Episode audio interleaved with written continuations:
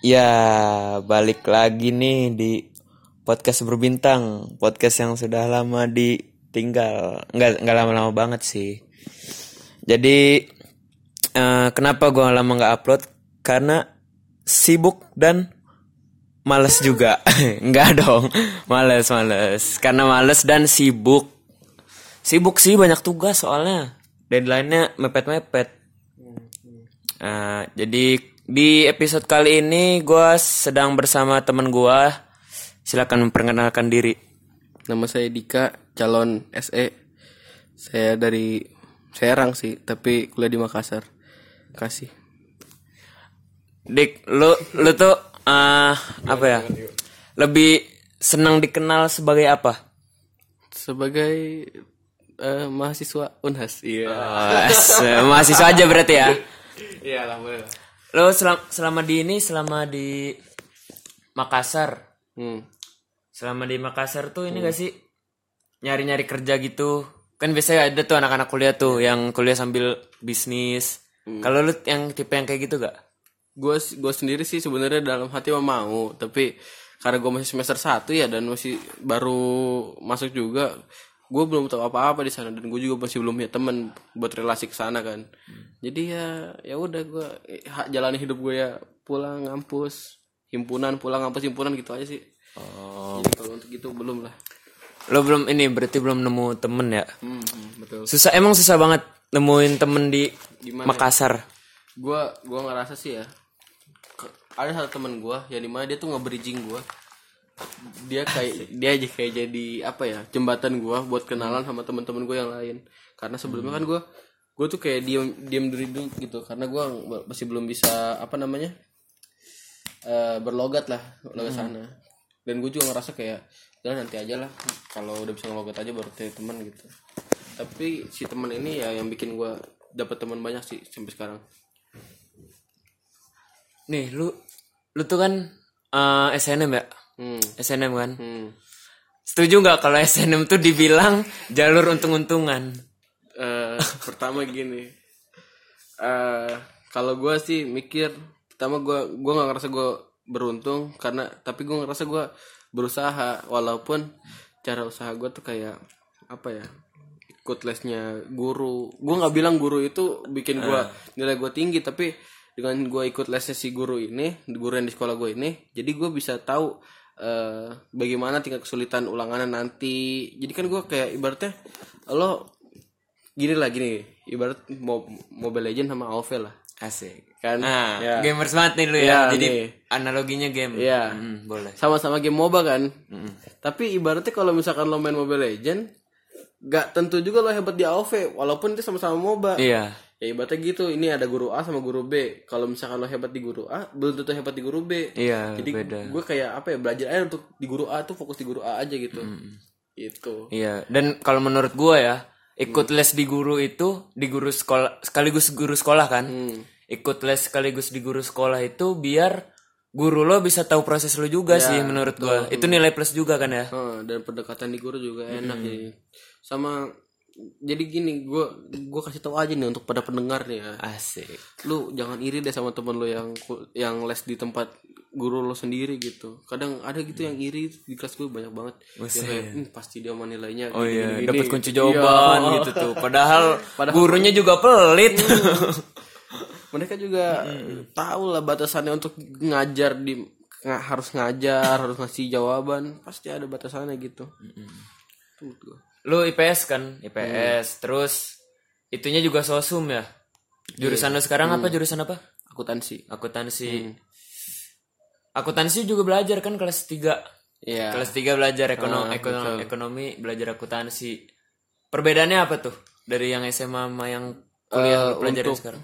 pengantar nih gua masih pengantar bukan pengantar sih akuntansi dasar lah Mm-mm. akuntansi dasar itu akuntansi kan kebagi tiga pertama akuntansi eh, apa jasa akunta- akuntansi dagang akuntansi manufaktur nah waktu SMA itu di kita kan masih dua kan dia tuh baru dapat eh, akuntansi jasa sama dagang manufaktur tuh belum nah Ya, yang bedain manufaktur sih kalau menurut gua. Tapi kalau beberapa teman gua yang gua tanya, mereka ada yang udah belajar manufaktur walaupun sedikit, ada yang belum sama sekali. Jadi ya beda di situ, di situ doang sih. Untuk gua. Gila. Hmm. Kalau gua kan komunikasi ya. Jadi enggak Iya, wah. jauh gitu kayak dari Masih ada hitung-hitungan enggak? Kan sosum nih. Pasti lah. Ada hitung-hitungan Gua tetap masih ya. ada matdes, masih ada pengantar ekonomi, gue ngitung iya. Akuntansi dasar ngitung iya. Kalau komunikasi sudah tidak ada hitung-hitungan. Alhamdulillah gue bersyukur masuk komunikasi. Tapi kalau di akuntansi sendiri ya di ekonomi lah. Kita kalau misalkan kita nggak bisa ngitung ya, diledekinnya kayak udah kamu sana masuk ke apa? Komunikasi. Enggak budaya aja sana. Oh budaya. Kesel gue kayak gitu. Kirain ke komunikasi. Enggak, enggak. Lu ke Makassar tuh lu tinggal kan berarti tinggal di Makassar. Ngekos gak? Enggak, sama Enggak ya. nenek gue. Sama nenek lu. Berarti masih rasa rumah apa Enggak sih. emang beda? Enggak. Nah, gue sebenarnya gue pulang nih karena untuk perbaikan gizi sih. Oh, oh di sana nggak teratur makanya tetep ya sama kayak anak kos juga. Iya betul. Gue kayak Oh. Sebenarnya gue bisa makan teratur di sana cuman gue kayak males aja gitu bolak balik bolak balik Hmm. gue mending di kamar ngerjain tugas tidur main game gitu aja tuh Gila. Nah, Akuntansi tugasnya banyak gak sih? eh, tergantung dosen sih pertama dosen dosen tuh ada dua tipenya tuh yang kayak setiap setiap pertemuan ngasih tugas rangkuman RMK Hmm. tuh yang gitu tuh yang paling males gue paling akuntansi tuh kan gue pernah dua dosen tuh dosen pertama gue ngasih tugas gila lu pernah ngerasain kan maksudnya ngerjain tugas akuntansi kan waktu SMA Hmm. Tuh, pernah Ya, pernah. satu siklus gitu Hmm. gue bikin dua kali siklus dari itu anjing gitu. Anjir, dua kali lipat dari SMA ya. Iya. Untung dah gua nggak ngambil. Santai sih, ya. Rasa rasa lu jauh dari orang tua tuh gimana sih? Gua gua belum pernah soalnya nih rasa jauh-jauh dari orang tua paling kayak naik gunung doang gitu. Terus asik. Pada baru baru dua kali sih baru dua kali. Maksudnya ya jauh dari orang tua tuh gua kalau pramuka itu pun berapa hari doang. Kan lu nih Hmm. hitungannya berapa sih? Berapa bulan? Satu semester satu semester ya jauh dari orang tua. Rasanya gimana tuh yang perbedaan yang lu rasain banget?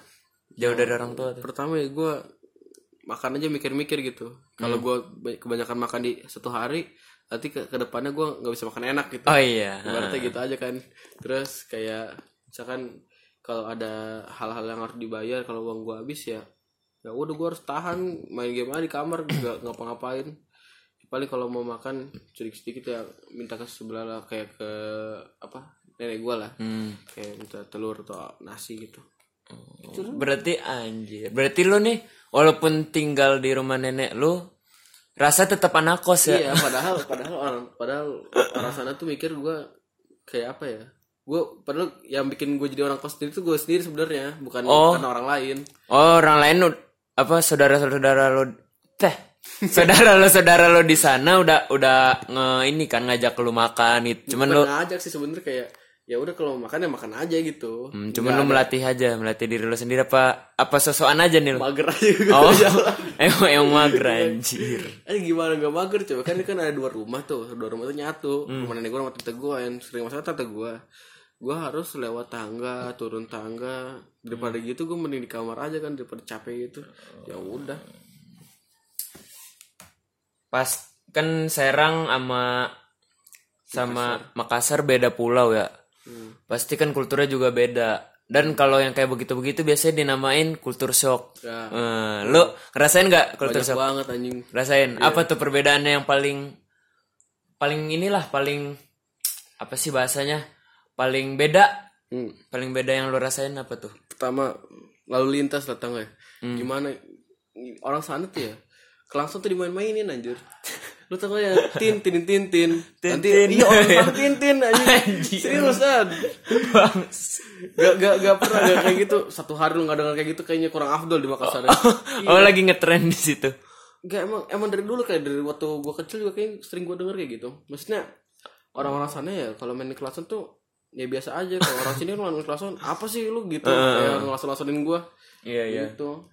Tapi iya di Serang tapi kalau malam-malam gue juga kadang-kadang denger sih klakson kayak begitu. Kalau sana siang, sore, malam. Buset, di sana emang rutinitas berarti ya. Terus Apalagi? kalau culture shocknya itu per- di sana itu kayak apa ya?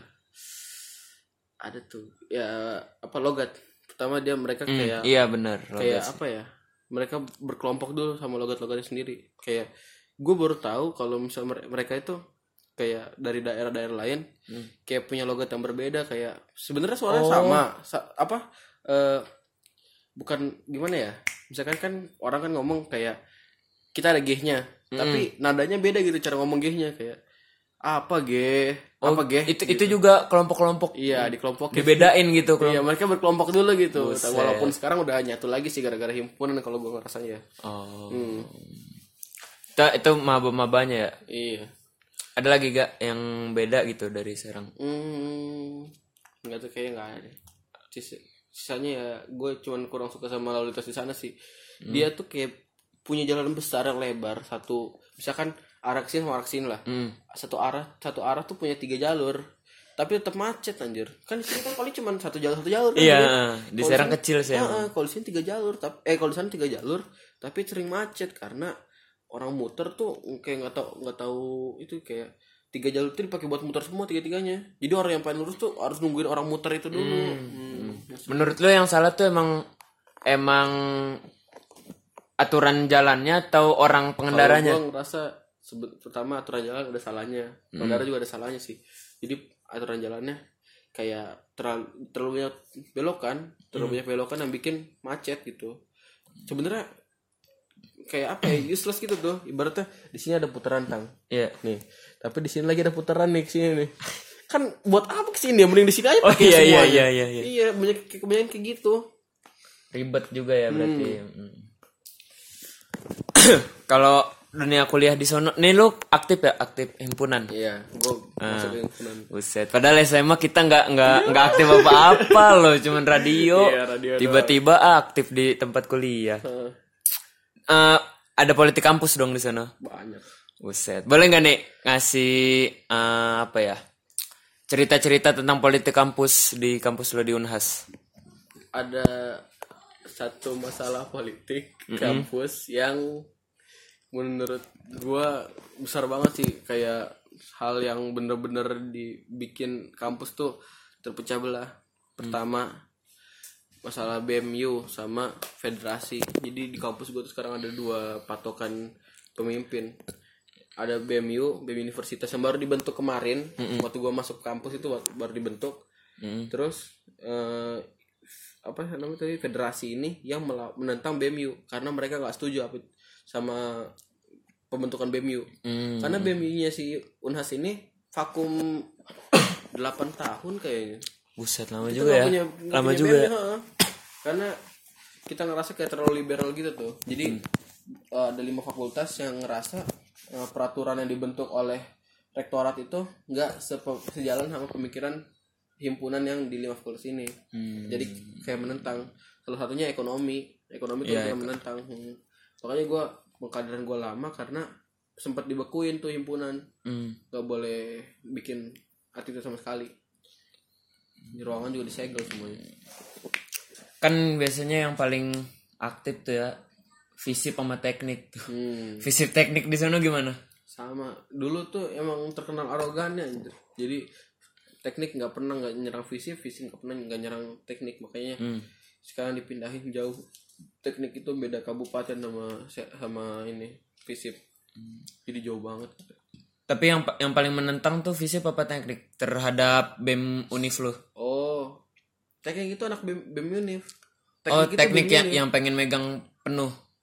Yang megang penuh. sebenarnya ketua sekarang tuh teknik BEM, BEM teknik BEM, Hmm. ketua BEM-nya tuh teknik nah yang menentang itu federasinya itu Hah? si fisip, Visip. Nah, karena Hmm, mereka bener-bener gak mau Pantesan.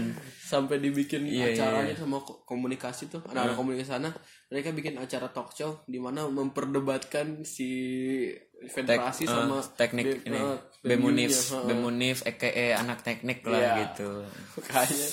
Kalau kalau di Untirta sendiri sih ya Heeh.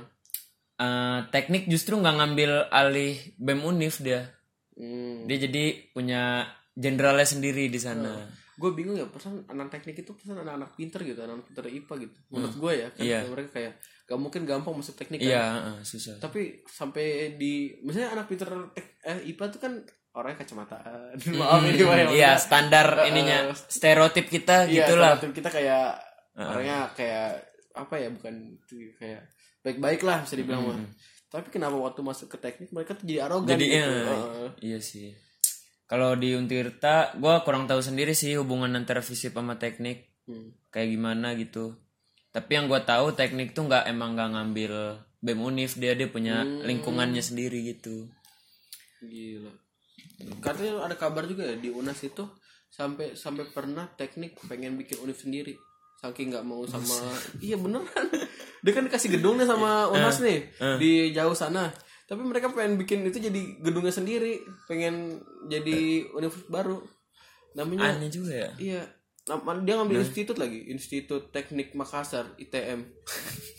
Gila nggak tuh? Di di Untirta aja itu teknik itu dari institut kan Iya. Untirta tadinya ada institut hukum, ada institut teknik sama satu lagi ekonomi apa kalau nggak salah. Eh, pendidikan apa? Pendidikan terus digabung jadi univ jadi univ jadi Untirta Hmm. gitu kan. Di Makassar di Unhas sendiri malah minta pisah ya. Iya, mereka kayak bener-bener menentang sih waktu itu karena sama fisik katanya. Gue gak ngerti.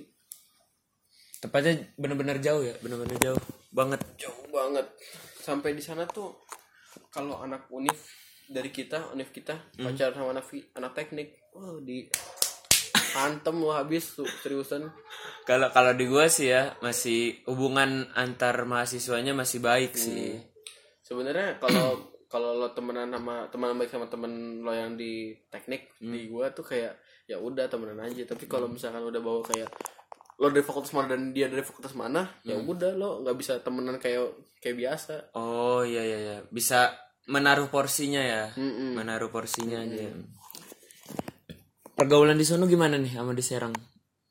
Eh, pertama gua ngerasa sih kalau orang sana itu sebenarnya sama gua gua nggak terlalu ngebedain jauh tapi kalau untuk teman-teman gua sendiri sih kita lebih suka kayak nongkrong di rumah aja gitu daripada ke kafe Daripada ke kafe. Heeh, kita lebih kayak ya, kalau misalkan teman kita kan ada yang kayak misalnya te- tinggal di rumah keluarga lah Hmm. itu kan kayak lebih banyak makanan minum Iya iya iya ngerti bener gitu. bener sih bener bener. Di sana berarti lebih suka nongkrong di rumah ya. Kalau nongkrong pun kalau nongkrong di luar lebih milih di kafe apa kaki lima kira-kira? kita lebih pilih wifi ID gitu iya betul lah Anjir waktu SMA juga gitu kan Oh, kita. Tapi tapi oh ya nih kultur rosak nih gue baru inget ya. Oh iya apa apa. Harga di sana tuh bisa gue bilang dua kali lebih mahal daripada harga di sini. Oh Lo pernah lo pernah lihat lo pakai ka- kartu apa sekarang? pakai kartu mahasiswa eh kartu mahasiswa tri Oh. ya kalau gue kan pakai Telkomsel nih. Ah, Telkomsel gue waktu itu beli 50 GB 130. Hmm. Di sana 190. anjir Iya betul. beda Galon aqua Hmm. yang kalau isi ulang kita isi 20 ribu Hmm. di sana 45 ribu udah seharga galonnya anjir anjir anjir gue juga bingung maka kalau makanan eh makanan juga gitu sama. Makanan ada makanan buat mahasiswa itu murah masih murah-murah. Oh masih murah tapi mereka warung nasi itu nggak pernah ada yang di bawah sepuluh ribu. Jadi harus harga patokan sepuluh ribu. Walaupun lo pakai lauk apa pun gitu. Oh harga minimal lah iya harga, minimalnya. minimal kalau untuk mahasiswa ya. Kan kalau kita kan paling kalau nasi kikil lima ribu lah atau delapan ribu gitu kan Hmm, bisa di kan. sini masih Heeh. bisa kayak gitu. Kalau di sana udah dipatok sepuluh ribu nggak boleh di bawahnya. Anjir berarti ngabisin duit banyak lo ya gimana ya? Gitu kan itu juga kan pertama gini. Di sana kan eh, bisa dibilang eh, apa namanya gajinya tuh besar besar lah orang sana lah. Oh iya benar sih. Iya, UMR juga ya. ah UMR gede Ah, kan. UMR jadi juga menyesuaikan dengan UMR mereka harga Hmm. mahal-mahal. Jadi untuk mahasiswa sendiri ya segitulah pas. Kalau untuk mahasiswa. Di sana tapi ada ada kaki lima kan? Ramean kaki Oh, lima apa rame. kafe kafe ke kelima rame kafe rame. Ka- mereka kayak bikin kafe kafe kecil gitu banyak gitu. Sama ramenya? Mm kayak bagus tuh kafe kafe kecil aduh. Hmm. apalagi nih gua nih?